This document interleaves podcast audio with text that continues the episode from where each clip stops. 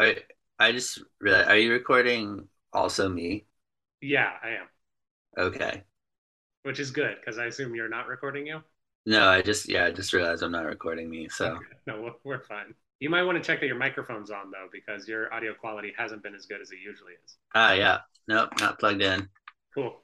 Oopsie daisies. well, Dennis is good. Hey. Hey, yeah, that's much better. oh man. I'm not a crook.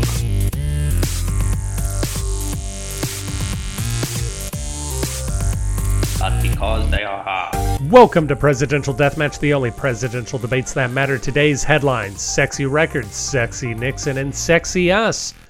Which presidential candidate is most likely to dig their own grave, John C. Breckinridge or Jill Stein? We find out with the help of Jessica Kelly Garrett. All that and more on today's Presidential Deathmatch.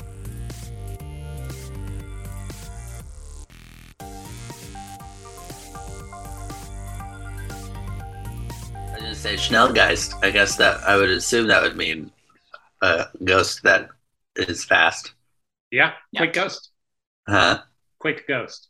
is Yeah. the Translation. Yeah. Schnell. Schnell. Welcome to Presidential Deathmatch, the schnelliest way to get your information on failed presidential candidates lately. Yeah.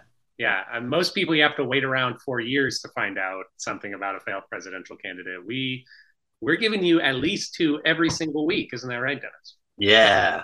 And uh, I may sound a little bit different, aka worse, because I am out on assignment. I, I have gone into the field to interview uh, our, our guest this week, Jessica Kelly Garrett. Can you say hello? Hello. And what are you going to talk to us about this week? Well, whatever you guys want me to talk to you about. And what do we want you to talk about? the Presidential Records Act and records and archives and while why they're important because they are. uh, have they been in the news lately? Uh, yes, if you've been watching the news, then you will have seen that uh, NARA, which is the National Archives and Records Administration, has been on on the spot in spotlight. That's true. Uh, partially because someone, and we're not going to name names here on the podcast, but a presidential loser has been withholding information from NARA. It seems uh, not all the facts are quite in yet, and so Dennis and I are going to talk about some uh, some presidential aspirants who have made trouble for themselves, perhaps unnecessarily, uh, as Dennis put it, shot themselves in the own foot. Deist presidential candidate, uh, Dennis. Who are you talking about? I think I said uh, self grave digger. Yeah, you did say that. Self like I like uh, own foot shooter too, though. That implies that it's something that these people do over and over. Yeah, well, at least at least my person does. Yeah, Uh, Dennis, who who are you talking about? I I went with um, a recent one today, Jill Ellen Stein. Mm, Jill Ellen Stein. Ellenstein, Jill Stein, um, Green Party candidate, 2012 and 2016. She's 72 years old. She's still around. So she was born in 1950. She's a physician, believes very much in the environment and stuff and how it affects people's health. Uh, so that's why she got really involved in politics in the Green Party. I guess uh, I I kind of looking at looking at her more today. I felt like it's it's a a number of things that she's done or said that I think she probably regrets or that she ended up having to walk back.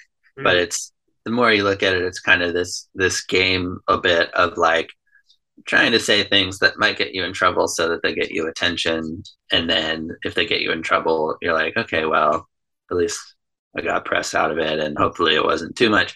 But it kind of keeps you in this um, sort of like push pull cycle of never being able to get too much traction because to get traction, you have to do things that then will lead to bad press and then kind of have to wait for that to cool off and then try again. So Yeah, the Trump game. yeah, it's it is it feels like the Trump game in a lot of ways, and um, may, less of I'm sure less of um m- maybe more relevant part of just like always having this really never look never considering anything kind of attitude and just kind of like forging ahead with whatever you want to do, but definitely a lot of the oh let me just say whatever and then deal with the consequences and hope that it gets people's attention. Very cool. Well, I will look forward to learning more about Jill Ellen Stein. I am talking about John Cabell Breckinridge, a decidedly not recent presidential candidate. He was alive from 1821 to 1875, and he ran against Lincoln as well as a few others in the election of 1860. He, uh, as as I think we'll find, he kind of ran his career in reverse. He is our youngest vice president ever. He was elected vice president at the age of 36. Wow. And then he became, uh, I believe, if I am correct, he is the only member of the US government to become a Confederate when his state did not. Uh, his, his state chose Huh. to stay in the Union, and so he said, I am going to the Confederacy and I'm going to fight for them. Uh, and as we'll see, that did not turn out great for him, but That okay. because then he had to like figure out how to get there. Yeah, which is tough. I mean, he was on the border, so that helped. It's like I need to hire a horse, and they're like, "Why?" Yeah, and he says, I've got this Confederate money. Will that do? It's got a lot of pictures of Jefferson Davis on it. But, but Which is no. Jeff Davis we would take. Yeah, Jeff Davis. We, everyone around here loves Jeff Davis. Jefferson Davis, it's a little more suspicious. Uh, but before you hear about any of them, we need to go to retractions. Uh, Jessica, I think you told me that they handle retractions a little bit differently in Maryland. Could you go ahead and open up uh, the retraction device for us? Click. Beep. Oh, Wow, that's that's that's the cool. NASA version. Yeah, that's, it's the NASA retraction device, uh, space age. Soon we're all going to be using it. Uh, Jessica, we wanted to do some Beauvoir follow up uh, because you apparently were surprised by me pulling out the microphone. Uh, so after a few weeks to think about Jefferson Davis's home, have you have you thought any better of it? well, I don't remember what I said before. hmm Well, why don't you just say Um. everything that you think now? Well, you know, I have some criticisms, hmm especially like, you know, as someone who's been to a lot of museums, a couple presidential libraries, and since this was a presidential library and museum, looked nice on the outside. I was Mhm. like, okay, cool. They clearly built, like, first impression, they built a nice uh, building. facade. Yeah. Um, Emphasis on the facade. Inside, though, I mean, it was basically just the shabbiest attempt to put together and keep a museum that I've ever seen in my life. Um, I mean, so like inside like the display cases, there wasn't even proper like real conservation going on. It looked like they had like if any of you have ever dealt with a lot of humidity when you're trying to think about preserving something, which in y'all's lives as citizens and men, I don't think so. But I know like some women will buy these big buckets of these beads and put them like in their closet to help preserve like their clothes. You can get them at Home Depot oh, interesting. it, it absorbs the humidity or you do like dehumidifiers and they had those beads in little solo cups in the display cabinets but it doesn't look like they ever changed them out it looks like they just put them in there and they're like okay well we, Oh man, we're done all the tags were very minimal and they were not cut with a straight edge before they were put into the cases whoa. And cut with scissors Yeah. on angles and then laminated. Yeah, so just just not the best presentation. And there wasn't a lot that really had to do with Jefferson Davis. I don't feel like I know the man any more than I did. They sort of like had stuff about his life. They were very careful in the words that they chose and the language that they used, but not in a good way for to present history, if that makes sense. It wasn't like productive. It was just it was just uh reductive. It was like Any chance they got to try and call out the North, they did in a variety of ways. But but even the idea, I think I brought this up as last week or the week before. He was married to a president's daughter. They don't really mention that. They say her name. They Mhm. say um, I, I forget her name. I, I, it wasn't Lucinda because that was his second wife. But but they say whomever Taylor, who he married. Uh, but they don't talk about that. They don't talk about his relationship with Zachary Taylor at all. There were six panels of information, like you would do uh, as an eighth grader, doing a, a book report on somebody's life and just making like a trifold presentation. uh huh. That was the level of information on Jefferson Davis. And then there was also the the somewhat insulting um, African American history section. Section. So, Well, it wasn't even a section. It was I would describe it as a token poster that I didn't even see it until I saw Aaron had stopped and was looking at something because it was in a dark corner, printed on like a foam board, and I, I believe it opened with something along the lines of like talking about how oh you know there were black people also involved in the Confederacy, um, and some of them were free and some of them were slaves. but then every single one that they talked about and listed, they were freed after the war was over. I think there was one There that was was actually a free man, but all the rest of them, I was like, they were all enslaved. Right. they Yeah. were slave soldiers. Yeah. Uh, that Yeah. were forced to fight for the Confederacy, which is a pretty awful prospect. Yeah. Uh, not even George Washington accepted slave soldiers. But we're not talking about the Quakers today. What uh, was there anything else useful about Beauvoir? Useful? No. No, it's, it is not a good place, and I do not recommend it. well, I got something useful out of y'all talking about it because I feel like I should try those um those humidity balls. Mm, I'll look them up because sometimes my clothes get musty. yeah, give it a shot. Uh, Uh, I mean, Austin's not quite as humid as Houston, but Yeah, in Texas. and also on the note of um, facades of museums, I uh, and retractions, uh, I walked past the um, Pacific Mu- War Museum. Yeah, the Nimitz. Yeah, the, the Nimitz one in Fredericksburg, which I think came up last week. It did because I said that Admiral Nimitz's museum was far superior to Yeah, the Beauvoir. yeah, we didn't have time to go in, but it looks nice. Yeah, it's it's quite nice, and he's an interesting guy, and Fredericksburg clearly likes him. Yeah, Yeah, and he went to LBJ's place. At least you sent me a picture of you near. yes, yeah. We walked, we went, yeah. His, uh, it, we went through Johnson City, and we went to um a place called Rhinery. Mm, I don't know that place. It's very new, Mm, mm. but if you were to guess, Rhinery. yeah, I want it to be a winery plus rhino preserve. yep, that's what Oh. it is. Oh my gosh! Dude, why isn't this on the cover of every Texas Monthly? Yeah, it's it it opened um less than a month ago. Oh wow. Uh, well, um, Jessica, I might have to go without you. I hope you were able to hear that look that she gave me. withering glance. No, I won't go to the Rhinery without you. Some other retractions, though, because we have made other mistakes in the past, as surprising as it may seem. Last week, we talked about the Morgan affair, which is what kicked off the anti Masonic trend in America. I erroneously referred to the man is Henry Morgan, who, of course, is the namesake of Morgan Rum, uh, Henry Pirate.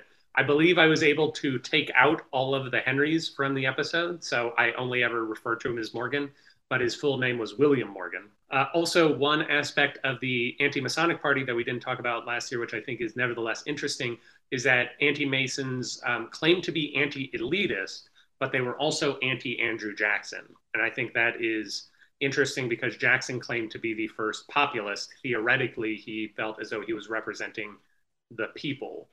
You right. can either take that as the anti-Mason saying, "Well, we don't like the elites, but we also don't like the people. We really just sort of like the proletariat," or um, or the bourgeois, the bourgeoisie, Yeah, the uh, bourgeoisie. or- yeah, the bourgeoisie, uh, or them uh, making a political statement of trying to say Jackson doesn't really represent the people.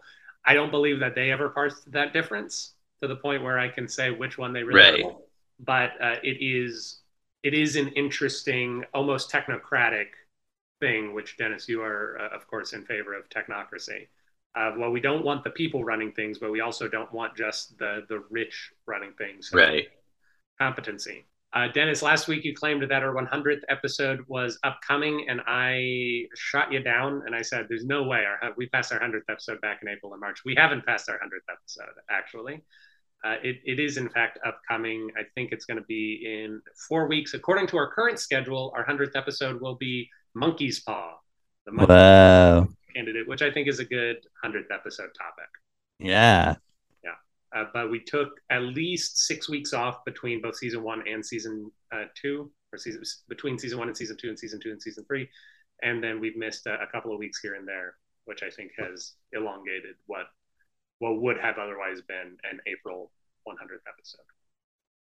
It's been more than 100 weeks since we started. That is true. It's probably been about 120 since we started. Wow. 115. Dennis, I went to Waco. I went to Alpha Omega. It was What'd you think? I liked it a lot. I got a pork hero. Nice. Delicious. Yeah. Pretty good spot. I got really worried that I overhyped it. Uh, you may or may not have. I enjoyed it. The people we were visiting, when I said, "Oh, there's Alpha Omega," and they're like, "Yeah, I guess." Uh, then they turned around and said that they were very snobby people for international food. So perhaps they are not the best. they travel a lot. Uh, they're from overseas. Oh, They're expats. they're from Greece. Yeah, yeah. And you were like, I want to go to Alpha Omega. But Waco was a, a lovely town. I It's like fun. It's a it's a quiet. Yeah, too quiet. Uh, finally, I have a retraction here in quotes, presumably off the face of the earth. I don't know to what I was trying to refer. I'm pretty sure oh, that was me. I added that. Okay. About what? Oh, you added that. So that's your retraction? Yeah. Okay. So what are you retracting? You said um you said presumably off the face of the earth about something. Oh no. What was it? Uh I had one other retraction that yeah, in the last episode you told us about the Morgan affair and this fellow Morgan got arrested and then he got grabbed by the um Freemasons. Yeah. And then you said he disappeared presumably off the face of the earth. Right. So what you're saying is that that the Masons created a thunder well and then shot William Yeah. slash Henry Morgan up into the stratosphere. Yeah, I just thought was it it bared elucidating for our listeners. There we go. Uh, facts. William Morgan was thunderwelled into space. Presidential deathmatch regrets the errors. Could you please close up the retraction device? Oh wow, I think that got sucked into space. Speak softly. Okay, Jessica, some unprecedented things have happened, have they not? Yes. In in history, can you tell us briefly what is going on in our world and our country in regards to records? What's the sexy stuff with records lately? Oh, the sexy stuff. The sexy stuff. Oh, I didn't know that we were getting sexy here in uh, Presidential Deathmatch. Well, then you clearly haven't been listening to Presidential Deathmatch because we're always. Uh, you know, I don't disagree with that. So, specifically, what's happening right now. So, if you haven't been paying attention to the news for whatever reason, there is. Oh man, I really should have written down like where to actually start with this instead of just a bunch of bullet points to hit. So, basically, what's been going on is our former President Trump. He had the FBI raid his home in Mar-a-Lago uh, to recover documents that were never turned over to the National Archives and Records Administration, which I will further, which I will refer to as NARA because that's a lot easier, and that's NARA is NARA. Um, AKA Nara. no, that is not at all how you say that. Please don't say it that way. Yeah, so so that that happened. It is unprecedented because that has never happened before. That's what unprecedented means. It's just kind of funny to me that it's been thrown around in the news a lot. And presumably both the act of a president withholding records from NARA and the act of one of our intelligence services raiding a former president's home Yes. are both unprecedented. Yes, correct on both counts. Yes. Yeah. Would you like to keep going? Uh, no, that that I mean that's basically like what's what's going on. There's a lot of So why why can't President Trump hold on to these records? They were generated during his administration, right? correct So why can't he hold on to these? because they don't belong to him. They uh, every single record that he or his administration, so that's all the people that work for him, et cetera, like that is created while he is president, are automatically property of the United States government and people. Uh, they don't belong to him; they belong to the people. And at the end of the presidency, the all of the records are immediately the custody immediately goes over to the National Archives. Uh, NARA takes ownership and control of them so that they can take them and organize them, arrange them, and then make them available to citizens, essentially, like people who are researching. They maybe they just for personal reasons want to learn about the president. Um, maybe they're trying to prove something. A historian might be writing a book, uh, et cetera. All of these reasons. Any FOIA requests, then they can fulfill, et cetera. Excellent. And has has it always been that way? Has it always been true that presidents don't own their records? No, actually. Uh, so it used to be a long time. Well, I say a long time ago. Uh, a long time before I was born. Uh, the there there were no rules. The presidents could take what they wanted. Um, and as you can imagine, that also means that there was a lot of like revisionist history probably going on. I mean, I don't know because I wasn't there, but for presidents, say like Adams or George Washington or Jefferson, some of the earlier presidents, especially who were very aware of their place in history or they were trying to leave a certain legacy, uh, they did leave records and documents behind. But as you can imagine, since there were no rules and regulations and there was no one overseeing that, then they got to leave what they wanted and subtract what they didn't want so that they could leave the legacy that they wanted. And all of that changed when another unprecedented thing happened. Uh, have any of you heard of Watergate? I don't know if I've heard of Watergate. Dennis, do you know what Watergate is? Yeah, I've Uh, seen it so, portrayed. Yeah, Watergate. So Watergate happens. Yes. Uh, Watergate happens. Nixon is leaving. And, you know, it's kind of like the moving truck is rolling up to the White House, and Congress is like, well, wait a minute. We, we want to take a look at those tapes. And Nixon's like, well, but those are my tapes, and I'm I'm leaving. And so to stop Nixon from Uh, actually, hold on, uh, Dennis. I think we have a clip of Nixon saying that these are my tapes and I'm leaving. Could you cue that up for us, please? Oh, these are my tapes. I'm leaving. Yep, that's that's the one. it happened exactly that way. yeah, yeah, yeah. Uh, and so then Congress very quickly, to prevent Nixon from either taking the tapes with him or destroying them, they passed the Presidential Recordings and Materials Preservation Act of 1974 to stop that. This applied only to Nixon. It present it prevented him from taking them because it meant that those tapes and all of his records were no longer his property. Uh, and then after that, they passed the Presidential Records Act of 1978, which meant that going forward, all of the records created by a president and his staff are property of the government and the American people. Um, every document created, and then, like I mentioned before, then the custody, as soon as they're no longer president, goes to the National Archives. But yeah, but that was very unprecedented when I was looking back at some of the articles and, and things that that word was also thrown around, around a lot when this happened to Nixon because it was like, oh, can't believe this is unprecedented that his he's being treated this way and his records are being treated this way, blah blah blah.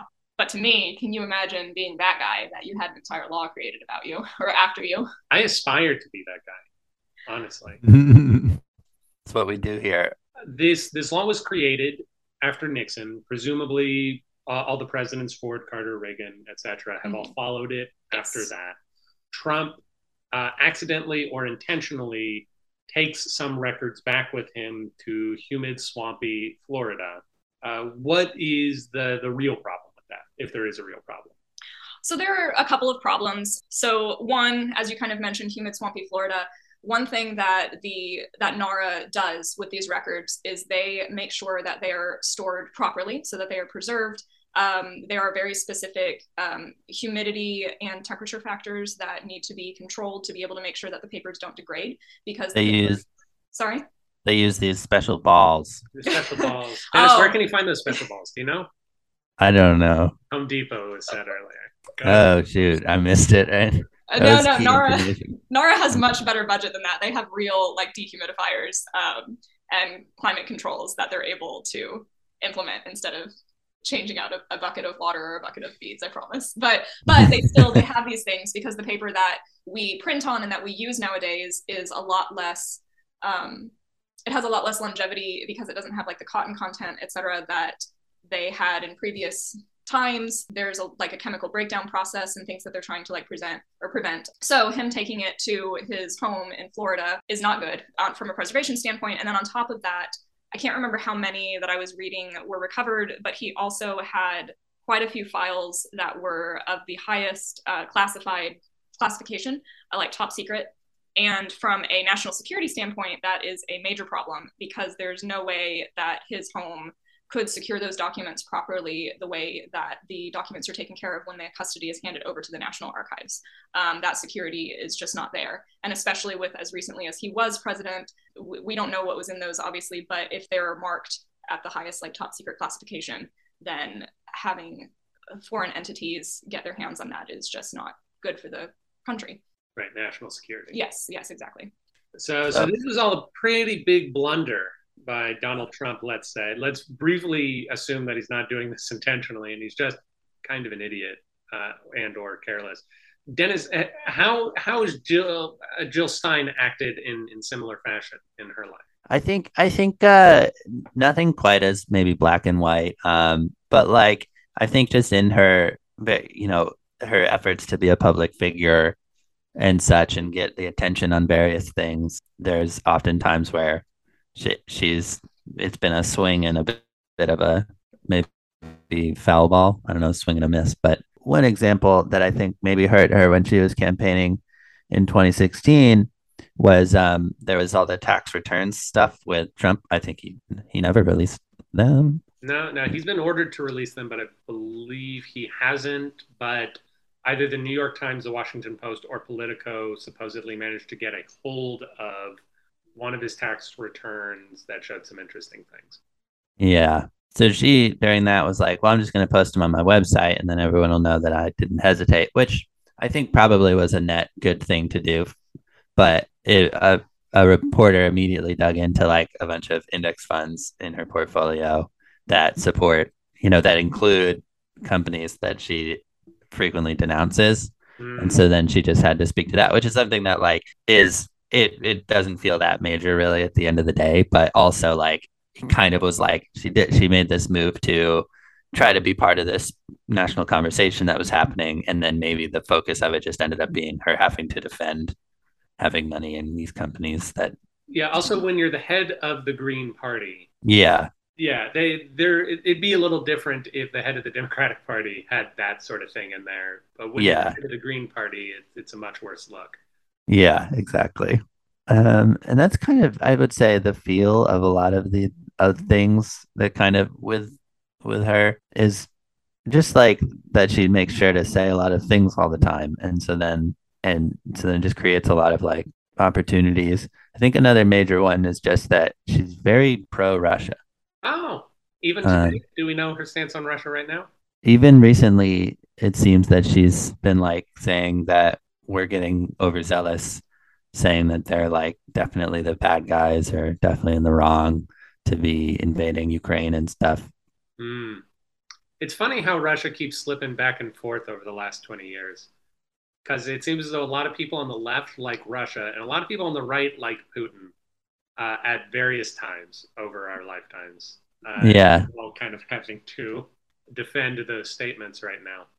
yeah what But about breckinridge I really want to start in the middle or towards the end because I think it's the most uh, damning and perhaps the funniest thing that I could start with. But basically, Breckinridge seems to be, despite the fact that he was vice president at such a young age, at age 36, which means that he had to have been popular in at least some respect to get nominated vice president, he seemed to try to irritate people wherever he went. He and his family had to move when he was six or seven because his family kept getting into fights with other members of his family over nothing at all.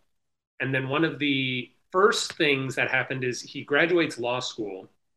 Uh, incidentally, he graduates law school from Transylvania University, which I think is very funny. awesome But he graduates law school and he can't find a place to settle down for a long time. He keeps moving from town to town, trying to find a place to be a lawyer. And he either can't find a place because they're saturated with lawyers there, uh, or and he just can't distinguish himself, or he irritates the people around him. Most notably, he tries to settle in the same place that Lincoln and Stephen Douglas are, uh, and he doesn't stay there for long. As soon as he does find a place to set, and uh, Breckinridge is associated with Kentucky. Like he does he, almost the entirety of his elected political experience in Kentucky. The first place he settles down is Burlington, Iowa, and then he almost immediately alienates his entire family by becoming a Democrat when they're all Whigs because he's from Kentucky and that's a Whig stronghold uh-huh so he irritates them there. Uh, then he gets involved in the Mexican American War and he ends up being the defense for a man accused of treason, which is good. It's good to have defense, and it's a little unclear, but the, the they kept assigning him to the bad law tasks uh, Yeah. that, that he would have to do, the less prominent speech. Uh, and then there was a very weird speech he made about the 1848 election. So he's theoretically a Democrat and he campaigns for Lewis Cass, who ends up losing to Zachary Taylor in that election, the 1848 election. Uh, but then it later comes out that he didn't vote in the 1848 election. And so Mhm. people are upset that he didn't vote for Lewis Cass in the election. And he makes this speech. But it so happened that there were six or eight gentlemen also accompanying me, all of them belonging to the Whig Party. And they proposed to me that if I would not return to my own town and vote, they would not. If they would, there would be six or seven votes cast for Taylor, but one cast for Cass. I accepted the proposition and we went hunting. And had every man done as well as myself, We should have carried the state by a 40,000 majority. I, did my patriotic duty by hunting instead of voting to keep some other people from voting. So Yeah. get off my back. That's really funny. Yeah. I love that response. And that and that he can't believe that more people didn't hunt with. Yeah. Didn't try to also coax a bunch of Whigs out into the woods. Yeah. Uh, I'll, I'll talk about slavery a little bit later. I want to jump ahead. There's a lot that I want to talk about, but before we get back to Jessica and presidential libraries, oh, right, he had a, a, a, very stupid duel at one point, or almost duel. There was a guy who said something that Breckinridge took as an insult, and he took it as a challenge to be to a duel. And apparently, according to the code of duels, if you are challenged to a duel, you get to name the time, place, and weapon. And so he thinks this man has challenged him to a duel, and he says, "Okay, then next week, sixty paces with rifles." And then that guy who apparently didn't think he was challenging Breckinridge to a duel was like, "Oh, he's challenging me to a duel? Then ten paces with pistols." this place. Uh, and then their friends worked it out, as as is uh, we heard in Hamilton twice. I think a pretty good encapsulation of who Breckinridge is as a person is just Yeah. acting angrily. Uh, when, when he's vice president, uh, he's vice president with Buchanan, and he becomes vice president the way that most people do. That whoever, whichever faction of the party lost the race for president, they usually reward you with becoming vice president. So the the Douglas faction that that uh, the, the Douglas Pierce faction that Breckinridge was a part of uh, lost the 1852 election, 1856 election to Buchanan, um, and so they nominated Breckinridge as vice president. And uh, Breckinridge wanted to visit the president one day. He's like, "Hey, I- I'd like a meeting with the president. I'm the vice president." And they said, "Oh yes, yes, yes. Um, come to the White House and ask to see Harriet Lane." And Harriet Lane was the Buchanan's niece who was operating as first lady. And Bu- and Breckinridge was like, "What? I had this is a grave insult. I am the vice president, and you are telling me to go speak to the White House hostess. This is insulting, and I will not do it." And then it later came out that that phrase is the code word to just immediately be brought to the White House so that Buchanan wouldn't be dealing with a whole bunch of nobodies. So he said, if someone comes to the White House and said, asks to see Harriet Lane, bring them right into the Oval Office. I see.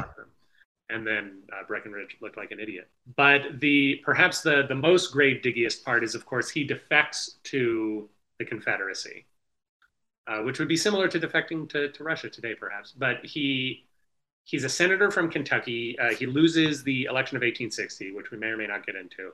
He loses the election of 1860, but Kentucky votes him as the Kentucky senator. So he goes from being vice president to being a senator. And then he spends a couple, uh, a year or so, trying to get the people to uh, to declare neutrality because he can't get Kentucky to declare for the Confederacy, which is what he wants. So he says, let's just declare neutrality, and that'll be fine for now. Kentucky eventually declares to be part of the Union. When they do, he decides to leave uh, the Senate and become part of the Confederacy. And he's actually one of the few people to send a formal resignation letter to the Senate before he does so, because most of the other states seceded, and his is the only state that didn't secede. So uh, afterwards, uh, when the Senate is considering his resignation, they ask the other Kentucky senator, hey, so we heard that not only is he resigning, but he's also going to just be a general for the Confederacy. Is this true? And apparently, the the other senator who was his friend was like, "Oh, um, well, yeah, yeah, that, that's what he's doing." And they said, "Okay." And then the Senate officially passed this resolution. Whereas John C. Breckinridge, a member of this body from the state of Kentucky, has joined the enemies of his country and is now in arms against the con- government he had sworn to support, therefore resolved that the said John C. Breckinridge, the traitor, be and he is her- hereby expelled from the Senate, which passed unanimously. Uh, so getting the Senate to accuse you of being a traitor, I think, is a pretty big grave digger move. yeah. Well, Uh, but Jessica, you've collected a lot of information on presidential libraries for us. I have. Would you like to tell us about it? I can if it's relevant. Yes, please. Okay. So, have either of you been to a presidential? Well, I know Aaron has. I've uh, been to Dennis, have you ever been to a presidential library? I don't think so. You've never been to the LBJ one? Is that the one on UT campus? Yeah. I've been very close to it. Okay. All right. Well, that's you should go. It's a it's a good museum. And it's Okay. very close to where you live. Yeah, that's the only place Carolyn's allowed to park. Yeah.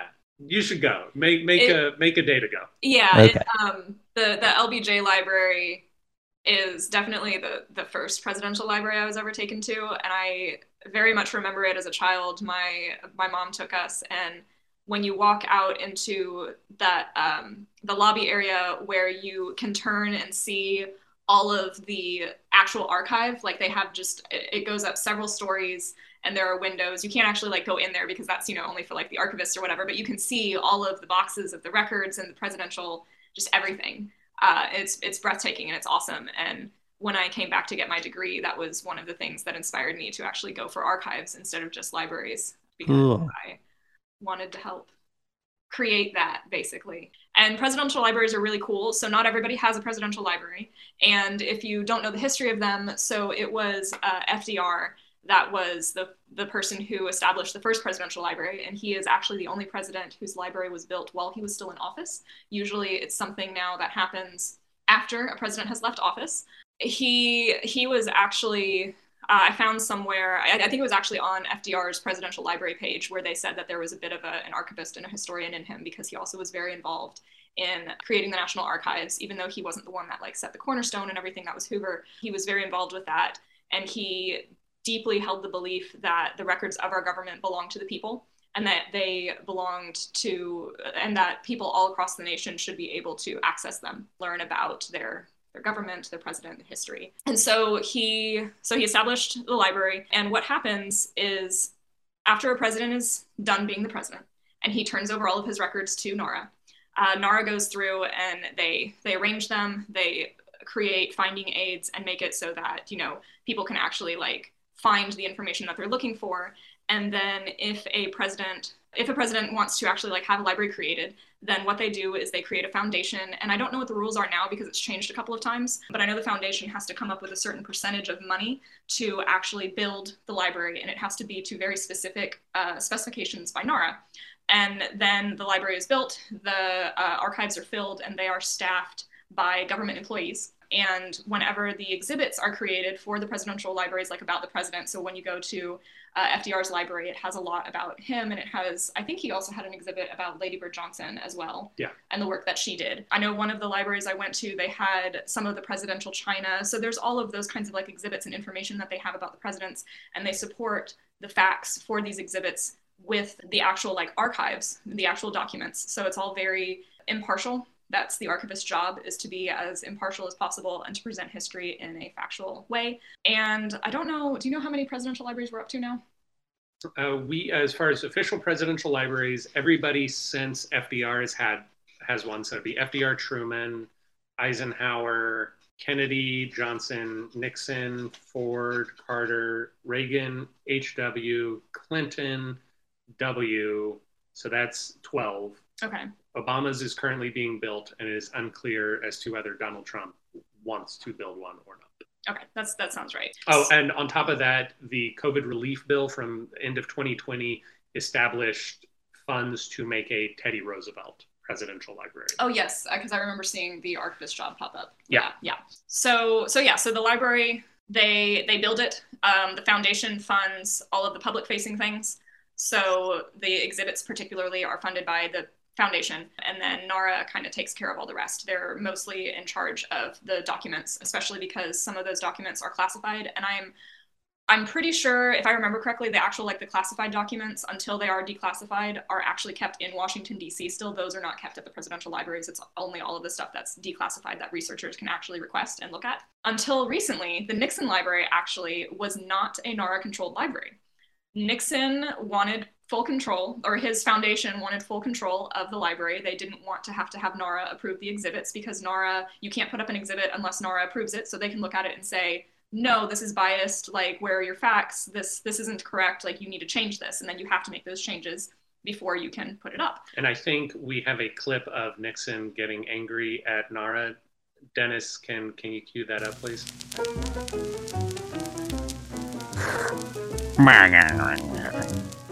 Yep, that's the one. That's exactly how it happened. Yeah. and so the Nixon Library actually was completely funded and found uh, by the foundation, which was a problem because I actually found this out recently. So I knew that the foundation was run and staffed by Nixon loyalists, but I did not realize that it was his two daughters and former aide.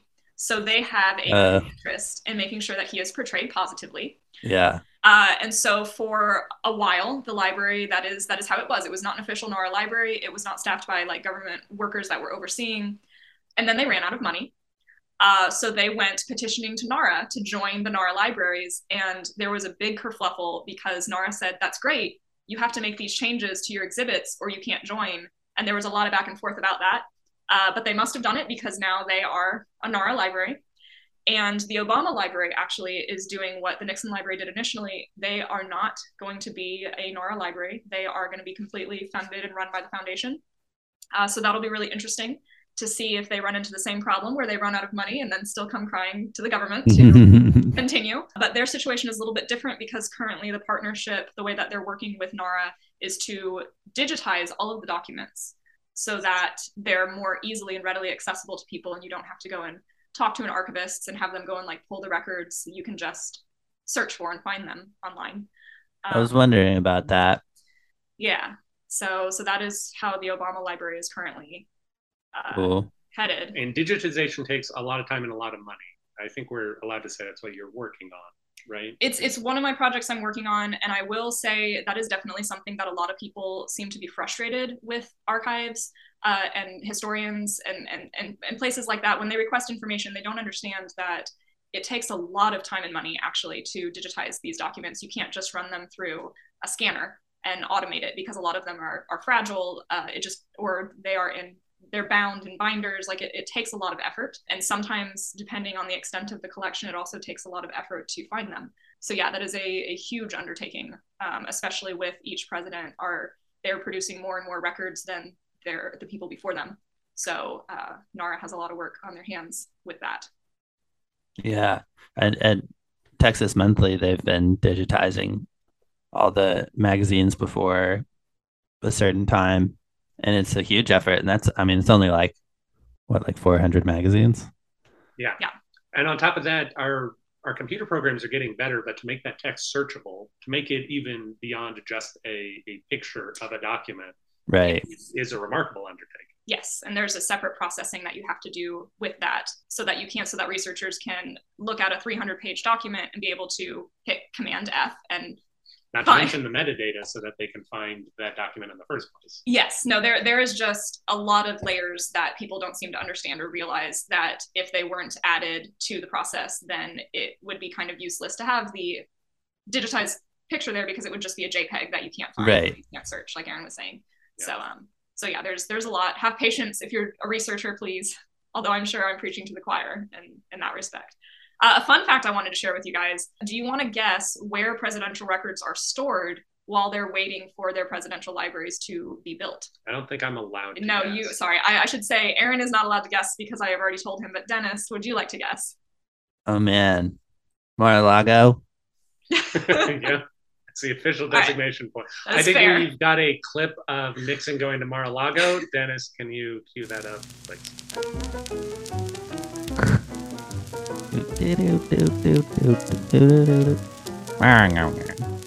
that's the one. It's because of uh, it was well archived. Yeah. So, uh, not Mar-a-Lago. Where else would you guess, Dennis?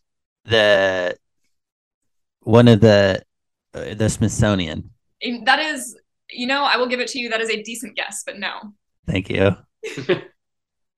no. Um, so one thing that I've learned working for the government is civil servants are very economical and they are very concerned with making sure that they are good stewards of taxpayer dollars and that they are spending them wisely and not wasting them. Uh, and this extends to storage of the presidential records again, while, while they're waiting for the libraries to be built. And so the government will find inexpensive venues such as retrofitted bowling alleys, uh, car dealerships, a Chinese restaurant, a spaghetti factory have all been places that records have been stored in the past um, while the libraries are still being built. Awesome. derelict buildings, basically wherever they can find Where cheap land. yes, cheap cheap land. I think Obama's specifically. Let me see. Uh, his were sent to an empty furniture store. So there you go. Nice. Yeah. There's a government building across the street from us, and their parking lot is almost always being being rented out to film crews. So Nice. it's, it's it's like it seems like at least the Texas government is spending most of their time just being scrappy, trying to turn things around for profit. Jessica, are there any controversies in presidential libraries or how they present information that you can tell us about? Yeah. So so I already kind of mentioned and talked about Nixon, the Nixon Library, but there have been a couple other examples that I found where they the foundations put out exhibits that painted the presidents in more of a good light Mhm. uh, than maybe necessarily they deserved for that situation because not everyone is perfect, not every situation is black and white, and history is not always told impartially. Uh, so, one would be Bill Clinton's library. Shortly after opening, there was a lot of criticism about how his relationship with Monica Lewinsky and his impeachment were portrayed. They just sort of lumped everything in with a into a section of controversies that were just labeled like politics of persecution. Uh, George W. Bush, his library had a uh, an exhibit about the decision to invade Iraq, and there was a game that visitors could play. And it was like an interactive exhibit. It was called Decision Points Theater, and you you as the visitor had to decide whether to invade Iraq based off of the the information that was presented. And then if you choose to not invade, a video of Bush comes up to explain why the invasion was the right thing to do and you were wrong. Oh my gosh. Um, yeah, so that that was criticized. Uh, so yeah, so that that's and then like I said, like the the Nixon. So it's it's definitely a problem, and it's definitely something that there's a reason that NARA oversees. right. Interesting. Uh, so I in one of the articles that I was researching for this, this I pulled this straight from it, um, and it says that some historians see such efforts like the exi- the exhibits that I just gave examples of to shape the memory of a president is not surprising but unfortunate. It is a serious problem, said H.W. Brands, a presidential historian. The foundations want to operate museums, they don't want to operate libraries, so the libraries become like a campaign. Yeah. Dennis, if Jill Stein were to have a presidential library, what is a, an exhibit that might try to paint her in a more positive light than than others might consider? Well, maybe like a selection of her tweets, hmm which sort of, I guess, would be fine, but just in in the choice of of removing other tweets, it would sort of be painting a picture, which is, I think, a, a tricky one. Um, and also, like, there was one example that I was reading about where um, she had a long tweet, and it was like sort of it had some positive pieces and some some less well received pieces. And so she just kind of like went back and edited it to work a little better. Everyone knows that it used to not be the, like the initial version but at least what's on the internet now is this like more edited version. It would you know you could see a library kind of being constructed out of these like kind of perfected tweets and only selecting for like the ones that were the most well received got the most likes and things. Mm. it was um it was about brexit. And it was just really supportive of brexit happening and very kind of like down on the eu and then she kind of toned it back after getting a negative response and then added a final sentence that said that she didn't support brexit this is like Yeah, really, really uh, feeling things out. Well, I think exactly Breckinridge, uh, there's at least, I mean, how many controversies does this man have to get into? But one of the most personally damaging for his his broing out and his and his hanging down with his friends is uh, during Bleeding Kansas. Uh, Dennis, do you remember Bleeding Kansas or Jessica? yeah Bleeding Kansas. Dennis, can you uh, explain Bleeding Kansas to Jessica?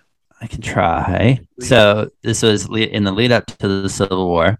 It was one of these states that, um, when each state was deciding for itself whether slavery made sense or not, Kansas was one of the big ones, and I don't remember why it was called Bleeding Kansas specifically, but it, that was the context. Yeah, so it was called Bleeding Kansas because actual fighting started to happen between the uh, the free staters and the slave staters, and then they also dragged in the Native American population uh, into that fight for good measure. And there was a lot of frustration involved in Bleeding Kansas, partially because it definitely happened that people who lived on the borders in slave states crossed over into Kansas to try and vote in that election to make sure that Kansas became a slave state. That all came together with a thing called the Lecompton Constitution, which is that the free staters got together and they wrote a constitution for Kansas that did not have slavery in it. And then a bunch of the slave staters plus the border people got together and wrote a constitution called the Lecompton Constitution, which did have slavery in it both got sent to the US government, and it was fairly clear that the, the Free State Constitution was the one that the majority of people wanted. But Congress accepted the Lecompton Constitution in order to not further irritate the South.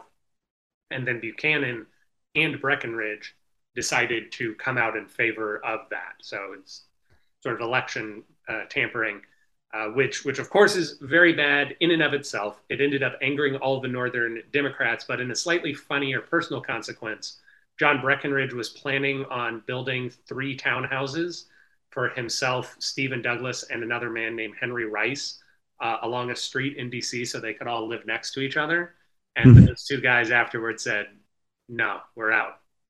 Oh, man. Breckinridge uh, couldn't build his, his townhouse anymore and so he had to go find somewhere else to live in DC. And he wanted the middle one. He wanted the middle one, but now they weren't going to go in on that land with him. Was that when the caning happened during Bleeding Kansas, where the guy beat the other guy with a cane? That happened a lot. There, there are multiple caning incidents.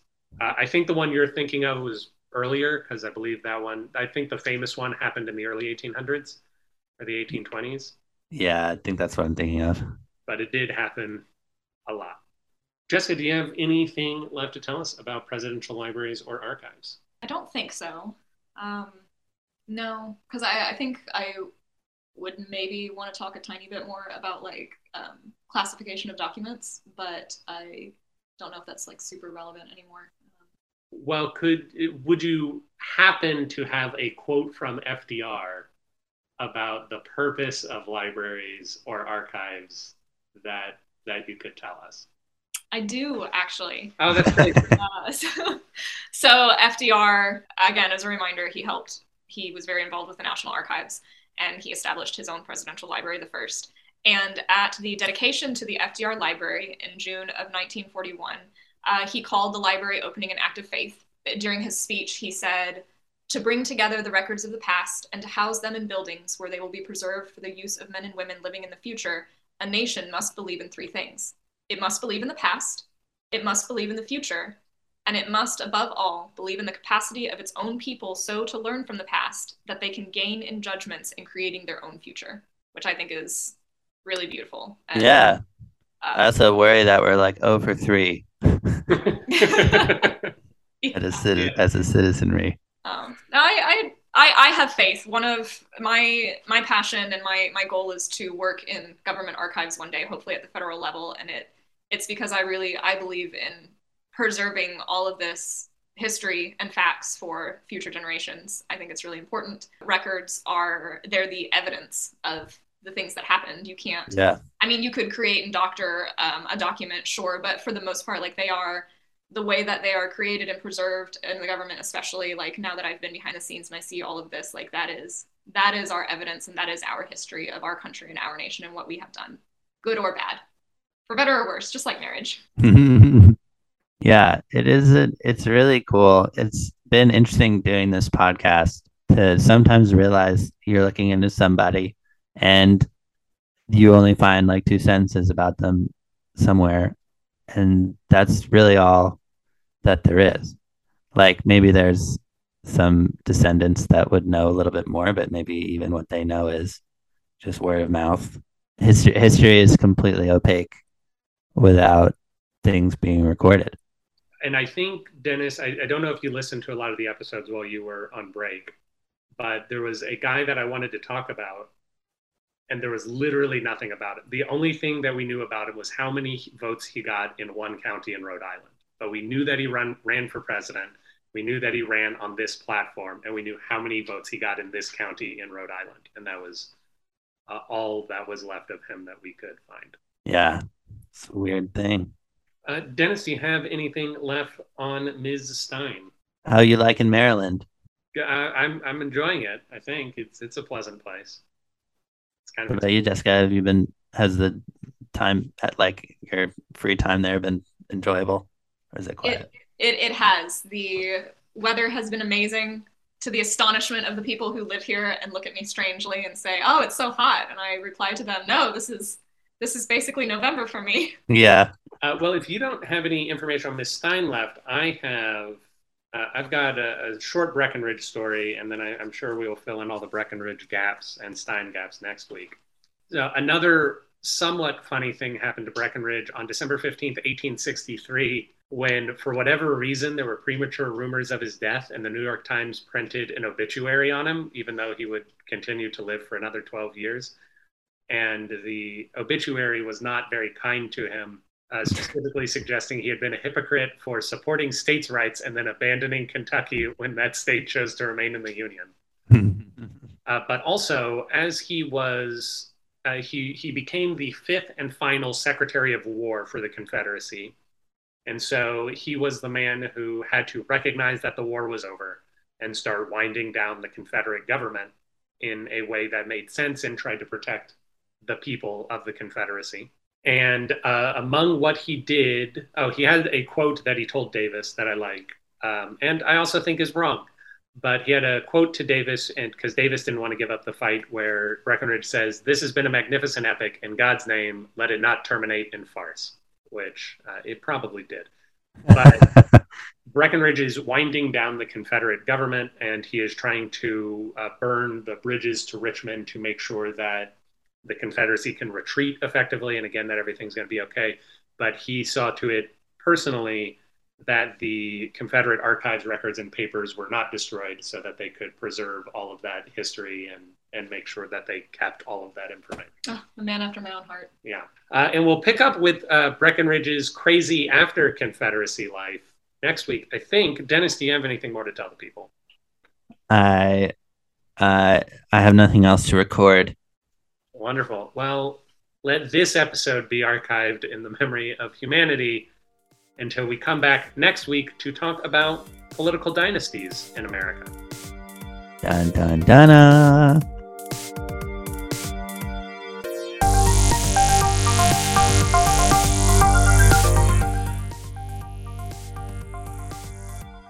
Thank you for listening to Presidential Deathmatch. Presidential Deathmatch is hosted by Aaron Garrett and Dennis Buddy and edited by Aaron Garrett. If you like the show, please consider giving us a review wherever it is.